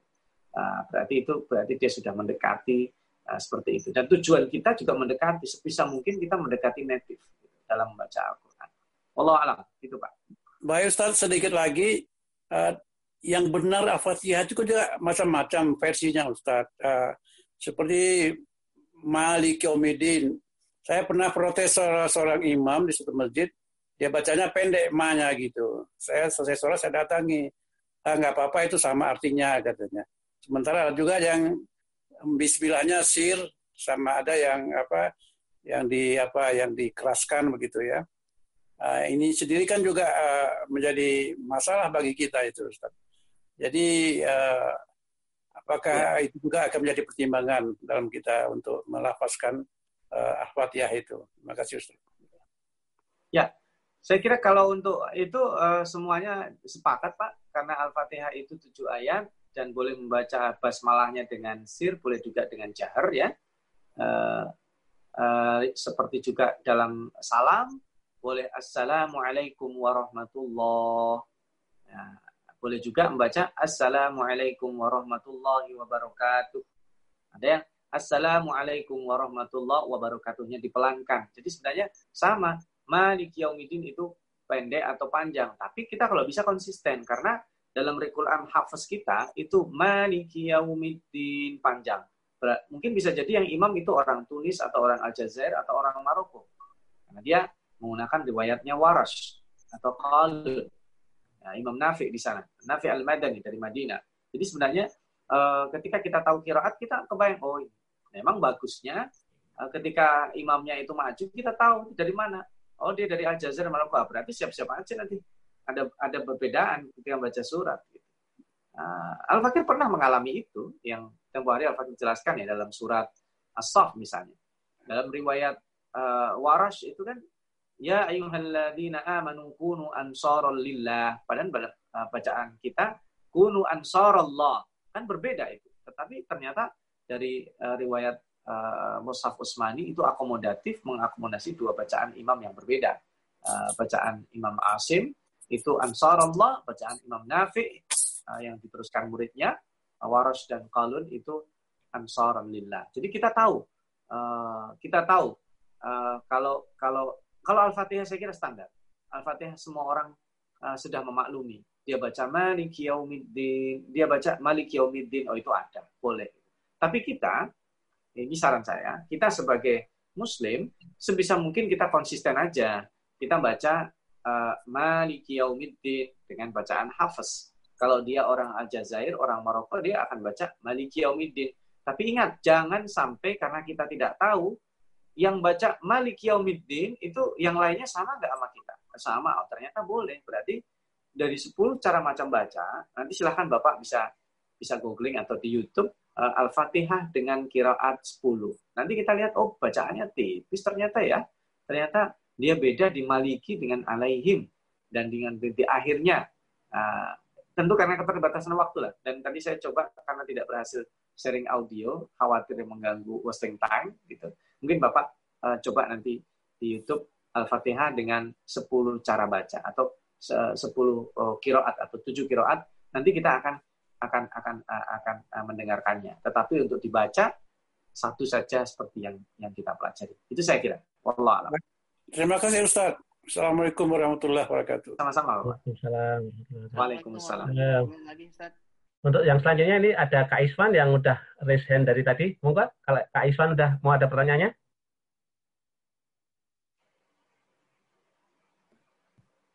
Kalau yang tidak ada, kalau belum ada, mungkin yang selanjutnya Kak Erna, Mbak Erna. Baik. Assalamualaikum warahmatullahi wabarakatuh. Apa kabar Pak Ustaz? Saya Erna dari Kanada. Ah ya, dari Kanada ya. Silakan. Ya, yang ingin saya tanyakan Pak Ustaz tentang tadi yang kiroat 10 itu, kalau saya lihat kan dari 10 kiroat itu masing-masing mereka memiliki dua murid gitu ya. Yang itu tentunya ada perbedaan. Nah, apakah dari awal memang para imam ini tuh membiarkan ada perbedaan itu? Sengaja gitu atau adakah ikhtiar mereka itu untuk menyamakan agar tidak semakin banyak perbedaan? Kemudian pertanyaan keduanya, setelah tadi Ustaz memberikan contoh ya antara uh, kiroat O Warsh sama Hafiz itu saya lihat ada perbedaan yang termasuk ta dan ya atau menjadikan itu ada tambahan iya mati sementara di Hafiz tidak ada gitu. Apakah itu tidak mengganti arti atau maksud dari ayat tersebut? Nah, kalau di antara dua perbedaan itu mana yang paling mirip atau yang paling persis sebagaimana Rasulullah itu dulu pertama kali ditalaki oleh malaikat Jibril. Nah, tentunya kan kita ingin berusaha itu mendekati yang paling mirip itu gitu kan Pak Ustaz. Jadi kita ketika mengikuti pun berusaha mengikuti yang itu. Itu aja pertanyaan saya Pak Ustaz. Terima kasih. Baik, uh, terima kasih Ibu. Uh, jadi kenapa muridnya yang paling menonjol itu dua? dan itu distandarkan. Nanti kenapa yang dipakai dua? Karena murid di bawahnya dua itu yang, yang punya murid lagi, yang paling banyak di situ. Nah, Al-Fakir contoh yang paling yang di kita aja lah karena Al-Fakir di situ ya. Hafiz misalnya. Imam Hafiz itu mengambil dari Imam Asim.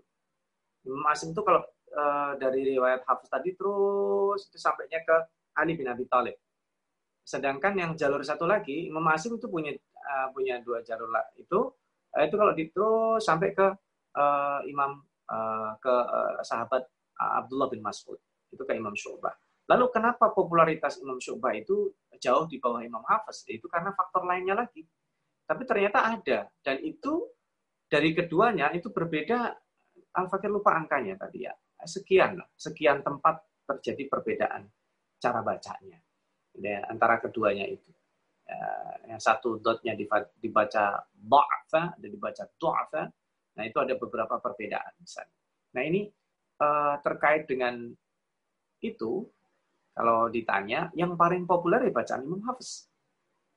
Tapi kemat yang paling mirip dengan Rasulullah Nah, kita nggak bisa klaim. Nggak bisa klaim itu. Karena itu semuanya mutawatir. Kayak tadi uh, cerita tentang Ahruf Sab'ah antara Umar bin Khattab yang menjadi makmum uh, di belakang Marwan bin Hakam. Ketika membaca surat Al-Furqan, dia marah. Ketika di hadapan Rasulullah, ini begini juga kok Jibril menurunkan saya. Begini juga cara bacanya. Jadi berarti ini kita membayangkan seorang Muhammad, Rasulullah, Nabi kita, itu adalah orang cerdas. Dia bukan hanya substansi, tapi cara bacanya. Yang sabati ahruf. Sabati ahruf itu bukan tujuh kiraat ya. Jadi ternyata ada sepuluh.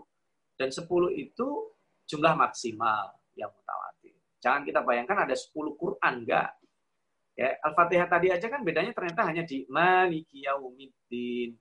Nanti yang lain ada di memnya, ada di bacaan nun non di akhir di akhir wakafnya, al waqf wal ibtidaknya. Ternyata ada berbagai macam ragamnya. Tapi ketika kita melihat Quran, Qurannya satu. Karena itu giginya. Ibrahnya itu bukan di titik-titik tadi itu. Jadi kita nggak bisa klaim bahwa bacaan hafaz ini yang paling dekat uh, dengan bacaannya Rasulullah. Tidak ada keterangan itu. Semuanya mutawatir. Kalau udah judulnya mutawatir, itu semuanya boleh dipakai. Kita nggak boleh dong menganggap oh kita lebih bagus dengan saudara kita yang ada di Quran Maghribi itu Tunis, Maroko, Aljazair uh, karena mereka aneh-aneh. Oh, aneh-aneh kan aneh dari kita. Selama itu mutawatir itu dibolehkan. Nah kita tahu dari sini uh, dari uh, ya ambil yang tujuh aja dulu saran saya. Kalau sepuluh itu sudah tambahan tiga, ada yang mirip memang. Nah ini di Quran jelasnya kita tahu tersitu oh, ternyata di sini ada yang baca su, ada yang baca sau. Nah, uh, kayak tadi nunjil mukminin itu di tempat lain ternyata sama, hanya di tempat itu saja berbeda. Itu berarti kan detil sebagai murid. Saya orang ingatannya kuat, dulu guru saya ngajarinya begini. Kalau kita kan kayaknya begini, ah, itu sudah nggak dipakai kalau kita. Kalau dulu orang betul-betul uh, substansinya, cara bacanya. Berarti seorang mukri dan kari itu dia punya kekuatan yang dahsyat. Karena bukan di substansi saja, di cara baca dan iramanya, uh, bukan di, di nada-nada yang tadi kita baca ya. Ini dibacanya seperti apa, dia ingat. Bukan sekedar substansi tulisan. Makanya uh, periwayatan kiraat itu tidak cukup dengan tulisan. Dia harus juga dengan talaki. Beda dengan hadis ya. Kalau hadis itu boleh meriwayatkan dengan makna. Tapi kalau Al-Quran tidak boleh. Dia harus betul-betul mendengarkannya begitu, meriwayatkannya juga begitu. Itu saya kira. Wallahu alam. Oh, jadi Pak Ustadz, kalau dikatakan bahwa 10 yang mutawatir itu, boleh nggak kita simpulkan bahwa Rasulullah itu mencontohkan ke 10 itu? Pernah mencontohkan gitu, ya. cara baca 10 itu? Iya, Eh, karena disebut mutawatir berarti itu sanatnya sampai kepada Rasulullah. Sanatnya sampai kepada Rasulullah. Sepuluh-sepuluhnya diajarkan. Kayak case-nya Umar bin Khattab dengan Marwan bin Hakam. Dan mohon izin, mohon maaf, jangan sampai kita mengklaim bahwa karena kita memakai riwayat Hafiz, itu kita ini paling paling mirip Rasulullah. Enggak. Nanti juga ada riwayat yang lain. Kenapa kok popularitasnya itu nomor satu ini, nomor dua waras berarti itu paling bagus? Belum tentu. Itu kan karena popularitas. Ya, mohon izin, mohon izin, tidak bermaksud mengkiaskan. Ya, di dalam kualitas keilmuan, ya, uh, seseorang bermacam-macam. Tapi kenapa yang populer itu si A? Apakah si A yang populer itu ilmunya lebih tinggi dari si B yang tidak populer? Belum tentu. Karena popularitas itu berbeda dengan substansi. Selama ini dia mutawatir, uh, itu bacaan diajarkan Rasulullah kok. Kok kenapa ini populer itu faktor lain. Kayak Imam Hafiz tadi karena dia punya murid di mana-mana. Dia punya jaringan di mana-mana. Maka dia populer. Wallahu a'lam. Assalamualaikum Ustaz, boleh nanya? Silakan, silakan. Ini silakan jika masih ada yang lain. Baik. Um, Assalamualaikum, nama saya Fadli dari Baltimore. Ustadz, pertanyaan ada dua pertanyaan. Yang pertama masih berkaitan sama pertanyaan yang pertama tadi. Suaranya kecil, saya tidak dengar.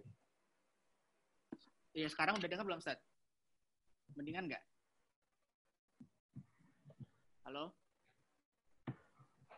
Halo, satu dua tiga. Halo, assalamualaikum. Masih agak kecil. Ini Mas Fadli yang pertanyaan yang di lewat chat itu bukan? Iya betul. Tapi saya ada satu pertanyaan lagi. Oke, caranya tadi udah ada jawab sama Ustadz, jadi belum jawab. Oke, silakan, silakan. Kedengeran ya, kedengeran ya. Terdengar tapi kecil sekali. ya, coba nanti di saya, saya ulang insya Allah kalau kurang keras. Baik, baik. Ya, yang pertama mas, masih berkaitan sama pertanyaan orang yang pertama tadi. Um, waktu itu kan pernah kejadiannya um, ada tilawah di acara uh, kenegaraan di mana um, koriknya membaca dengan langgam Jawa dan itu kan menjadi kontroversi. Dan pendapat orang yang melarang katanya karena ada hadis Nabi yang mela yang memerintahkan kita membaca Al-Qur'an dengan luhun Arab ya, dengan langgam Arab. Nah, bagaimana pendapat Ustadz terhadap pendapat yang melarang menggunakan langgam lain karena hadis tersebut gitu Ustaz. Pertanyaan kedua tentang hmm. tadi Ustadz sampaikan kita tidak boleh mencampur bacaan ya misalnya kayak apa namanya hafiz apa namanya dengan nafi misalnya atau yang yang satu kiroah misalnya hafiz dengan syubah saja tidak boleh dicampur. Nah, ada gak batasan boleh mencampur? Kalau mohon maaf kalau pertanyaannya melampaui yang disampaikan, kalau di sanat kan standarnya sampai to, sampai toriko ya dari apa namanya kiroah misalnya kiroahnya uh, Asim kemudian riwayatnya Imam Hafiz kemudian torikohnya misalnya dalam uh, Hafiz an Asim kan ada misalnya yang, yang terkenal kalau nggak salah Syatibiyah yang banyak orang Indonesia. Tapi kemudian juga ada sebelahnya Toyibatun Nashr. Yang perbedaannya misalnya setahu saya kalau Syatibiyah itu mad jaiz munfasil minimal empat uh, harokat Ustaz ya. Nggak boleh pendek. Tapi kalau misalnya Toyibatun Nashr dia boleh dua.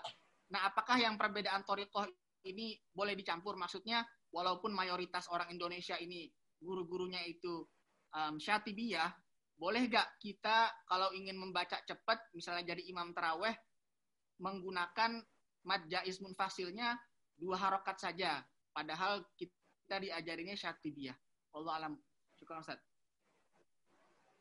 Ya. Uh, saya alhamdulillah bisa menangkap ya ada dua pertanyaan. Yang pertama, batasannya tentu dengan dengan ilmu ya. Dan uh, itulah mengapa kita uh, kita cukup me, di lebih di prefer kita itu satu kiroat saja supaya kita tidak bahasa Arab itu mulah bat tidak bercampur. Kita khusus kita dihafaz, kita dihafaz saja. Tapi yang lain uh, kita sebagai pengetahuan. Maka ketika kita tahu uh, riwayat itu satu saja, berarti kita khusus di situ supaya tidak tercampur. Sehingga ini batasannya. Yang kedua terkait dengan itu kan sudah masuk di nada dan irama. Uh, ya konsisten saja. Kalau kita bacanya uh, itu adalah empat ketukan atau empat harokat, berarti empat terus. Kalau dibacanya enam, ya enam terus gitu. Jangan dicampur sekali empat sekali enam. Nah itu yang juga sulit, tidak mudah itu.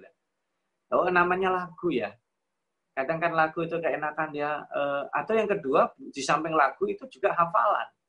Dia karena uh, agak sedikit hanya dipanjangkan itu padahal udah melebihkan. Itu sudah uh, ya manusiawi saya kira. Dan itu juga mengganggu sih ya, tapi tidak sampai pada batasan membatalkan sholat ya. Tentu itu uh, kurang afdol. Nah, tetapi pada pada faktanya seharusnya dia lebih konsisten. Dan itu sulit. Jangankan di di level orang yang baru bisa baca Al-Quran, di level profesional pun uh, ada kesalahan di situ. Jadi memang uh, yang sempurna, yang makin mendekati kesempurnaan itulah yang disebut akra'uhum tadi itu. Artinya kalau ada si A, si B tahu diri dia yang jadi imam gitu. Uh, ketika uh, si A nggak ada, si C tahu si B karena dia tahulah dan biasanya itu di dalam sebuah perkumpulan itu mafu. Kalau ada si fulan, dia yang jadi imam. Ada si fulan, si nggak ada di sini. Kalau ini nggak ada begini. Dan itu kan juga dipraktekkan di dalam keseharian ya. E, kalau Nabi Muhammad tidak ada, Nabi Muhammad itu nunjuk Abu Bakar. Artinya itu kan isyarat nih. Menjadi imam itu ini. Loh, tapi kenapa tadi yang bacaannya sering didengar itu Abdullah bin Mas'ud, itu kan bacaannya.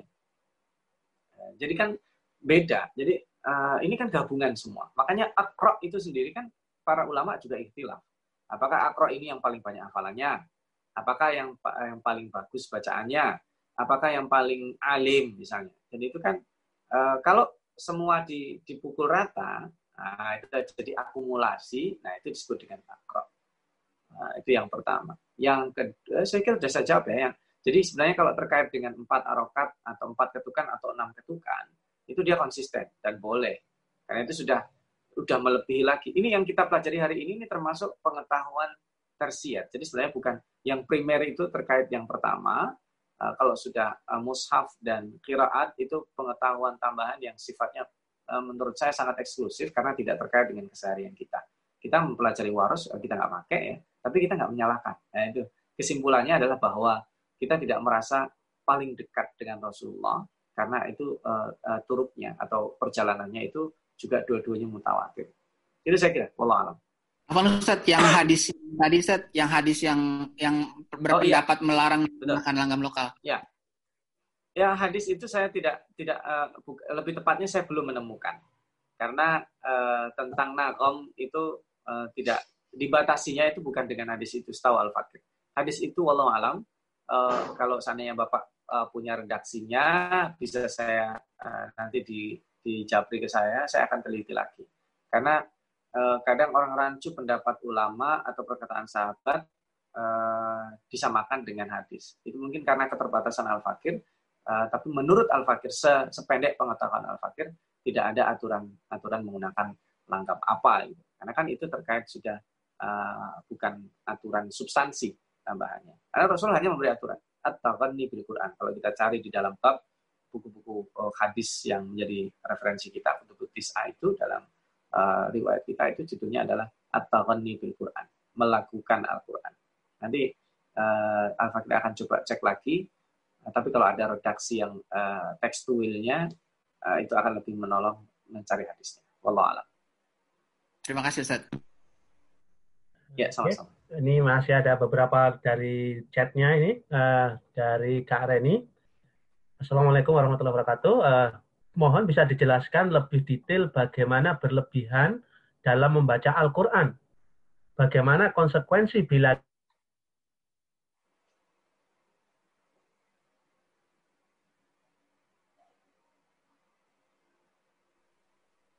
Gitu, Ustaz.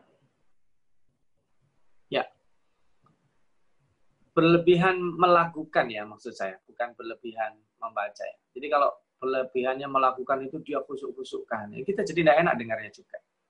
Ya tentu selama tidak sampai membuat makna berubah dan berantakan, uh, itu masih ya, bukan dibolehkan ya, masih dimaklumi bahasa kita. Kan begini, kita tidak selamanya kan jadi imam. Kadang dalam safar atau kita di shopping center atau di dalam uh, perjalanan sedang isi bensin, ada musola, kadang yang maju sebagai imam, maghrib ya. Kalau duhur asar mah kita nggak tahu. Kita harus nonton aja. Ketika ada maghrib misalnya, bacaannya itu kok bahasa apa ya? Bukan bermaksud merendahkan. Kok rada-rada gitu. Maksudnya rada-rada itu kok standarnya berbeda dengan standar yang kita pelajari. Selama masih bisa di uh, masih bisa dimaklumi, oke, okay, nggak ada masalah.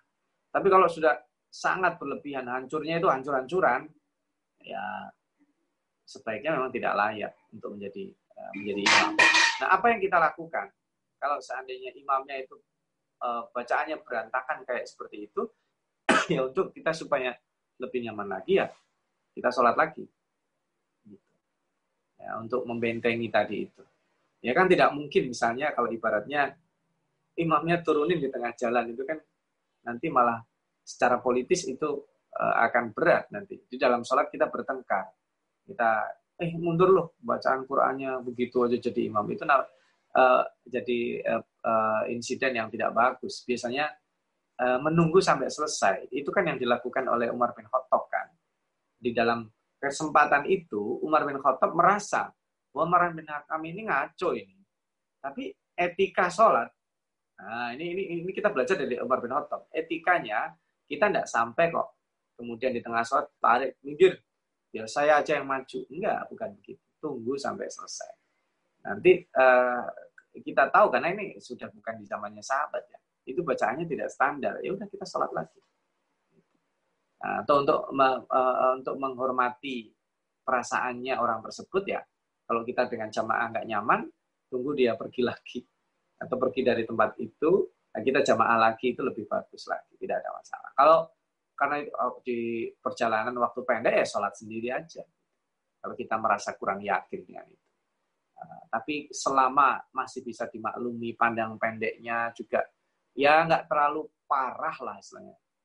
Artinya orang untuk maju menjadi imam itu uh, ya saya kira jarang terjadi. Ada yang sangat overconfident, mana sebenarnya dia tidak layak gitu, tapi jarang. Biasanya orang justru mempersilahkan orang lain. Itu Allah alam. Oke, Uh, satu lagi dari chat ini uh, dari Mbak Sita di uh, tahu ada temannya. Mengenai pertanyaannya, perkembangan tujuh ahruf di zaman sekarang ini bagaimana? Apakah semuanya masih terpelihara di dunia?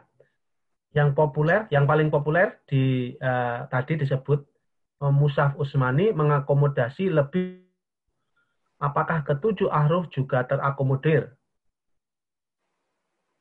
Ya, uh, saya sengaja pembahasan sabatu ahruf di dalam uh, uh, ulumul Quran itu tidak Al-Fakir sampaikan. Karena itu ikhtilafnya lebih besar daripada kiroat. Di dalam benak orang, kiroat itu ya tujuh, sabati ahruf itu ya tujuh imam itu. Oh beda. Kalau sabati ahruf itu di zaman Rasul. Kalau kiraat sab'ah itu sudah setelah tabiin, jadi jauh. Uh, memang kembalinya kepada Rasul, tapi ini kan uh, madhab, madhab cara baca. Kalau sab'ati ahruf itu berbeda pendapat. Tidak ada yang bisa menyelesaikan itu. Dibiarkan begitu saja hilang. Karena kan uh, tidak terkait dengan uh, tujuh cara baca. Yaitu tujuh model. Ada yang mengatakan tujuh model itu apa? panjang pendek, tebal tipis, eh, ada persamaan kata, lawan kata, sampai tujuh macam. Ada yang mengatakan, oh itu tujuh bahasa. Ada yang mengatakan, oh itu tujuh begini. Jadi sebenarnya itu ilmu yang lebih lebih kompleks lagi dan um, Al-Fakir kalau di dalam forum yang tidak bisa konfirmasi, uh, arti tidak bisa konfirmasi itu seperti sekarang ini kan saya saya tidak tahu apakah yang di depan saya itu mendengar uh, punya background dengan itu, biasanya Al-Fakir memang sengaja tidak memasukkan itu dalam kurikulum dan relatif itu tidak dimasukkan karena itu tidak ada sepakat apa yang dimaksudkan dengan sabati akhir. Jadi orang langsung ngambil tujuh kiroat atau sepuluh kiroat. Nah, memang ya adanya tujuh kiroat atau sepuluh kiroat tadi itu yang mutawatir sepuluh sebenarnya. Tujuh itu eh, yang paling masyur, tambah lagi tiga, sepuluh, bahkan ada 14 eh, ya. Al-Fakir di rumah juga punya kiroah 14. Tetapi kenapa yang diakomodir hanya 10 saja? Nah itu bahwa kiroat yang 7 atau 10 itu itu disebabkan karena seperti ahruf salah satunya ya. Nah, mungkin saya mencoba memahami pertanyaan ini. Apakah uh, riwayat yang 10 itu sekarang ada? Ada semua. Ada semua. Tetapi yang paling masyhur nomor satu ya riwayat Hafiz. Yang kedua adalah riwayat Warash. Sisanya biasanya hanya digunakan dalam perlombaan atau di kelas-kelas saja. Nah, itu kan biasanya ada yang punah ya. Punah dalam artian sudah tidak ada yang membacanya lagi. Bukan berarti Qur'annya punah, tidak. Sebagai ilmu itu ada, terekam. Nah, kalau Al-Fakir ditanya, Ustaz bisa nggak memetakan secara geografis? Oh, itu lebih lebih rumit lagi. Give up untuk hari ini. Oh, itu itu itu orang-orang yang sudah uh, sudah expert di bidang itu. Hafiz itu dibuat petanya kayak sekarang itu. Uh, di sini berapa yang baca, di sini berapa, nanti waros di mana aja. Al-Fakir hanya meng mengambil sampel uh, Musaf Masyriki dengan Musaf Maghribi. Yang Masyriki diwakili yang mayoritasnya Hafiz, Maghribi yang di wilayah barat, ya, uh, yang uh, Tunis, uh, Maroko. Uh, nggak usah nggak usah jauh itu Mesir dengan mereka itu udah beda, udah sama-sama Afrika. Nah, makanya uh, timur dan barat itu kan juga susah. Orang Indonesia kalau disebut orang barat, orang Australia disebut orang barat, padahal deketan banget sama kita. Jadi itu juga pembagian timur dan barat uh, di secara geopolitik dan geografis juga sama dengan Musaf, Masyriki dan Maghribi itu saja. Wallahu alam. Oke, ada satu lagi nih Ustaz dari chatnya dari Masu Ismadi. Ah, apa hukumnya lomba kiroah? Karena ada hadis yang dikatakan lomba dalam Islam hanya ada tiga, yaitu berkuda, pacuan unta, dan memanah. Uh, saya kira uh, lomba kiroah tidak ada masalah dan dan uh, perlombaan yang di dalam hadis itu justru uh, diminta kita mengajarkan kemampuan fisik ya kalau tadi itu. Kalau perlombaan sekarang kan sudah sangat banyak. Jangankan uh, kiroat, kiroat dalam artian yang yang atas tadi itu. Nagom juga dilombakan kan. Dalam musabakah tilawatil Quran itu cabangnya banyak. Ada hifzul Quran, ada syarhil Quran, ada fahmul Quran. Itu dilombakan semuanya. Saya kira tidak ada masalah karena itu bagian dari dari uh, uh, justru yang harus diajarkan. Ya, cuman memang kalau kita fokus di situ saja, misalnya, misalnya, saya lagi gandrung-gandrungnya nih fokus ingin akhirnya dia fokus ke memperbaiki bacaan yang sifatnya sebenarnya itu tertier, ya, sehingga dia dia nggak baca Quran yang yang utuh, dia kemudian mengurangi tidak bisa memahami Al-Quran, berarti prioritasnya belum. Artinya kalau seseorang itu diberikan kemampuan dan kemudian dia bisa mengasahnya, oh dia di situ. Memang targetnya, boleh nggak saya bercita-cita jadi imam? Oh nggak ada masalah. Karena bukan jadi imamnya, jadi mahir Qur'annya, otomatis automatically nanti dia akan jadi imam. Apakah itu nanti dosa kalau cita-cita saya jadi imam? Tidak. Sama dengan begini, saya cita-citanya jadi ulama. Tapi itu kan sesuatu yang sulit untuk dicapai. Sekarang kalau ditanya misalnya, cita-citanya ter tercapai nggak, Sen? Ya Allah alam sih, tapi tracknya sih saya begitu, ingin begitu. Karena itu kan uh, berbeda dengan substansi kita mencapainya dengan pengakuan orang. Nah, bisa jadi tidak diakui oleh orang. Tetapi secara substansi dia mendekati itu. Karena tracknya ke situ. Itu saya kira. Kalau uh, hadis letter luck-nya uh, bukan itu maksudnya saya kira. Wallah alam. Terima kasih Ustaz. Dua hampir udah lebih dari satu setengah jam. Insya Allah mungkin pertanyaan terakhir dari Mahrido yang mau katanya mau bertanya. Silakan Mahrido.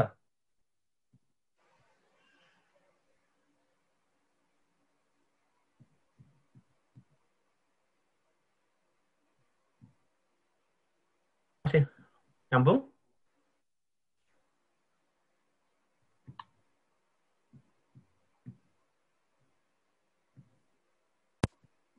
Suara tidak terdengar, Pak. Halo, Assalamualaikum. Waalaikumsalam warahmatullahi oh, wabarakatuh. Ya, jazakallah Ustaz. Uh, ini banyak pertanyaan yang saya telah terjawab kemarin yang minggu lalu, half and wars. Uh, tadi Ustaz masalah mutawatir itu kalau kita mau lihat sanatnya di mana Ustaz bisa dilihat apakah di musafnya itu dijelaskan sanat sampai ke nabinya itu dari Imam apa Hafs terus ke Asim terus ke terus terus terus sampai ke Ali bin Abi Thalib ke Nabi. Uh, itunya sanatnya bisa ditemukan di mana Ustaz? Ya, itu di dalam ilmu kiraat ada buku yang menjelaskan tentang itu uh, tentang uh, kayak tadi kan sekilas uh, diceritakan bahwa uh, saya kata Imam Asim mengambil dari sanatnya Abdurrahman As-Sulami sampai kepada Ali bin Abi Thalib. Nanti itu juga Ali bin Abi Thalib itu uh, ke Imam uh, Imam apa siapa Abdurrahman As-Sulami itu dia juga punya murid lagi jadi sebenarnya yang disebut mutawatir itu setiap cabang turunan rantingnya itu riwayatnya banyak. Nah itu itu sudah uh, beririsan dengan ilmu rijal dan ilmu riwayat dan itu ada bisa diambil di dalam uh, bukunya An-Nashr uh, punya itu Jazri yang sebenarnya periwayatan itu secara lengkap sempurna ketujuh-tujuhnya wallahualam Al-Fakir belum menemukannya. Biasanya kalau dia khusus untuk periwayatan Hafiz, buku tentang itu ada. Tapi kalau untuk ketujuh-tujuhnya, saya kira mungkin karena pendeknya pengetahuan Al-Fakir, uh, saya tidak uh, belum belum belum menjumpai bukunya. Itu saya kira lebih nanti coba saya akan tanyakan kepada saudara-saudara kita yang tahasus di kuliahul Quran. Karena itu nanti mutawatir itu apa? Itu bahasanya di ulumul hadis ya. Uh, mutawatir itu bedanya dengan dengan uh, apa dengan yang tidak mutawatir itu apa uh, jika uh, itu diperlukan saya bisa menampilkannya insya Allah tapi ini slide saya perlu cari lagi karena itu sudah di box ulumul hadis itu saya kira wallahu alam Terima kasih Ustadz. Uh, satu lagi ini terakhir sorry.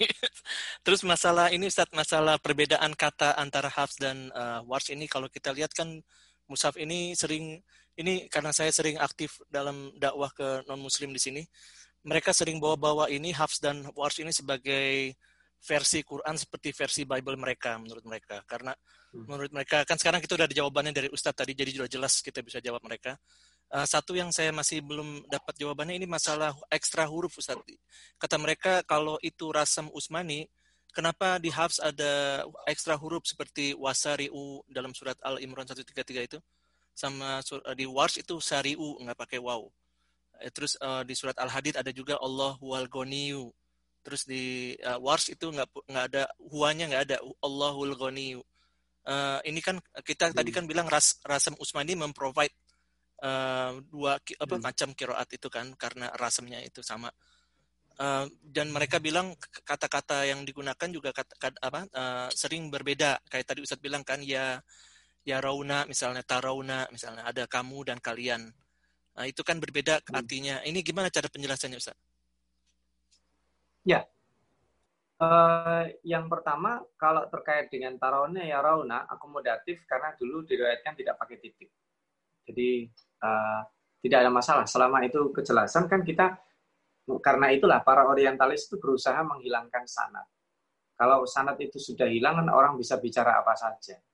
Kan kalau kalau kita tanya, saya begini-begini kan kita untuk betul gaknya langsung, ini dapat kabar dari siapa? Dari si A. Si A dari mana?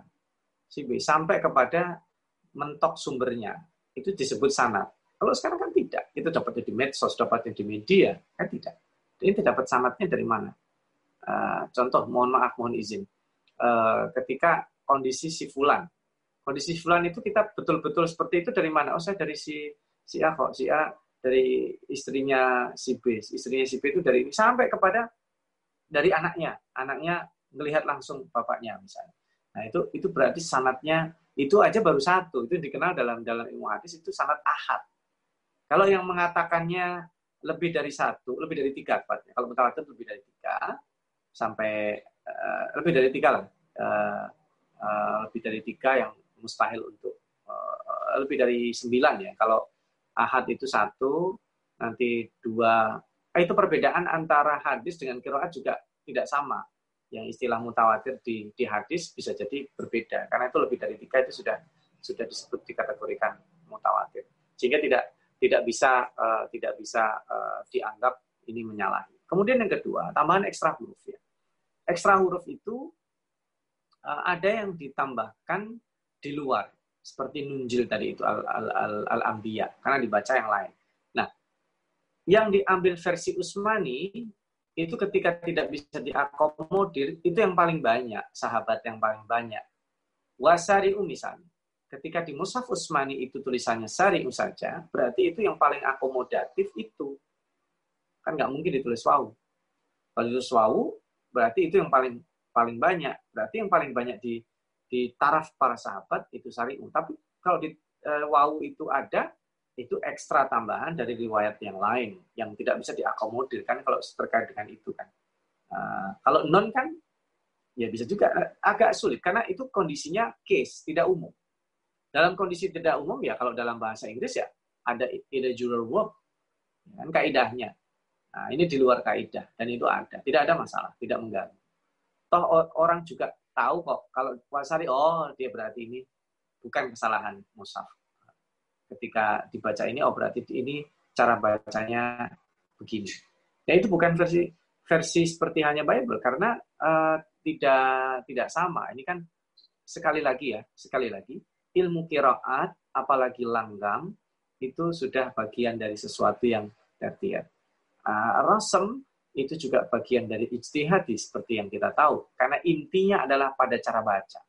Uh, maka Rasulullah SAW juga tidak menulis sendiri, beliau uh, dituliskan. Tapi yang dituliskan bukan perkataannya. Ini kita kembali kepada pembahasan kedua kita terkait dengan kitab suci. Beda kan? Kalau di kita Injil itu dari Allah. Uh, kalau di uh, mohon maaf uh, orang sebelah itu perkataannya Isa. Jadi tidak sama. Nabi kemudian Al-Qur'an dianggap begitu. Nah, enggak. Al-Qur'an itu tidak ada campur tangannya. Itu dari Allah. Nah, perbedaannya itu itu perbedaan yang tidak bisa diakomodir sehingga harus ditambah. Kalau yang bisa diakomodir, pasti diakomodir di dalam Mushaf Usmani. Itu saya kira. Allah Mantap Ustaz, jazakallah khair. Bayakum.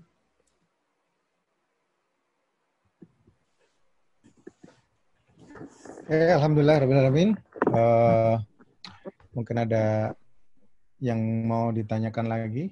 Uh, ini di chat saya lihat karena Mas Irfan katanya internetnya bermasalah. Masalahnya pembayar. ini uh, dari Pak Aris. Saya kebetulan melihat lomba Hafiz Indonesia di RCTI pas ada dari Al-Azhar yang menguasai tujuh macam lagu dan paling tinggi sanatnya saat ini ke-28. Bacaan Al-Fatihah alaihim dibaca alaihum antara lain. Mohon pendapat Ustadz. Jazakallah khair dari Pak Aris. Ya. Itu Ustadz. Sebenarnya kalau untuk perlombaan kan itu khusus ya. Artinya jurinya juga sudah kompeten. Dia tahu dan uh, yang membaca alaihum itu bukan hanya kolun. Uh, itu juga uh, dibaca oleh yang lain-lainnya. Al-Fakir tidak tidak ingat judulnya siapa aja. Ada, itu itu ada. Uh, itu tidak ada masalah. Tapi yang yang paling populer di di dunia itu ya bacaan hafes secara umum.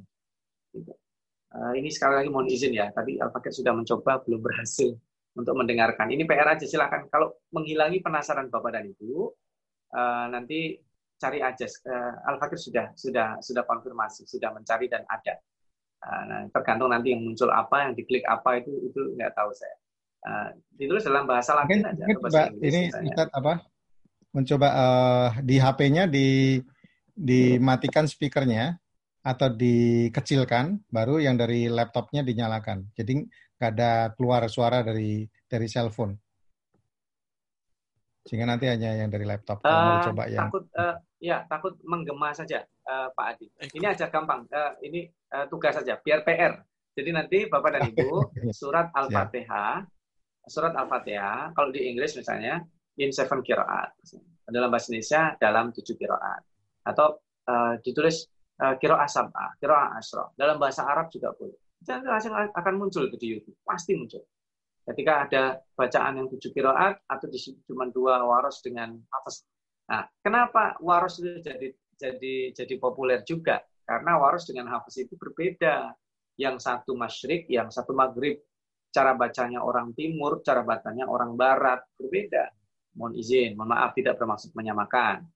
Orang Jawa, uh, Tegal, Brebes, ya dengan orang Solo. Berbeda cara cara cara ngofol pel, pel, pelafalannya. Tapi kalau misalnya orang Solo sama orang Semarang sama orang Kudus ya sulit dibedakan. Gitu. Kira-kira begitu.